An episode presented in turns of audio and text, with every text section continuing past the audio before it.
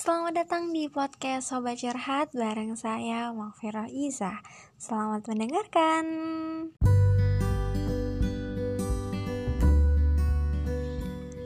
It's okay not to be okay. Pertama kali dengar istilah itu di awal tahun 2020. Yang bilang ke aku, seseorang hebat, dia kakak tingkat. Waktu itu posisinya aku lagi gak enak banget campur aduk lah pokoknya. Bingung nggak tahu harus kayak mana. Rasanya bener-bener down. Banyak tekanan sana sini. Tapi kalau dipikir-pikir itu semua wajar. Wajar karena mungkin banyak orang juga yang ngerasa kayak gitu. Tapi kok rasanya tuh dalam hati tuh berdedek ngono loh. Kayak nggak enak aja. Terus dia bilang It's okay not to be okay. Gak apa-apa kalau kamu lagi kenapa-napa. Namanya juga manusia kan? Kadang kita tuh cuma perlu tahu kalau kita lagi gak sendirian. Jadi orang aneh itu gimana ya? Orang aneh bakal ngerasa jadi orang aneh ketika di lingkungan yang biasa aja.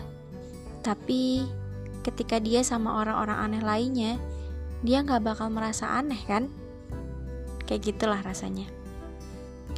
Begitupun saat ini, saat pandemi, mungkin banyak hal yang merasa beda ya, kok gini ya? Dan itu nggak apa-apa.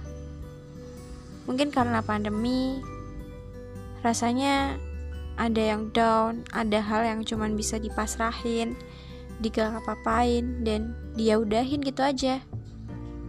Waktu itu saya pernah down juga waktu pandemi, awal-awal kayaknya.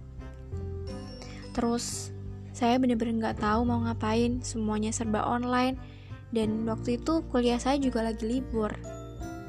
Terus saya lihat-lihat di internet, saya konsultasi ke sebuah badan psikologi gitu. Dan ternyata buat mengatasi itu memang harus produktif nggak harus sebenarnya. Asal kamu menemukan cara buat kamu merasa nggak apa-apa. Jadi waktu itu saya dapat hal kayak gini nggak apa-apa kamu pandemi ini pahami dulu aja diri kamu.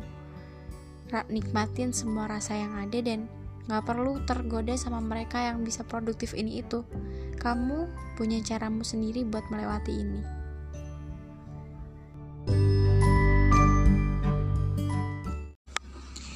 Sekian podcast dari saya dan terima kasih sudah berkenan dengar.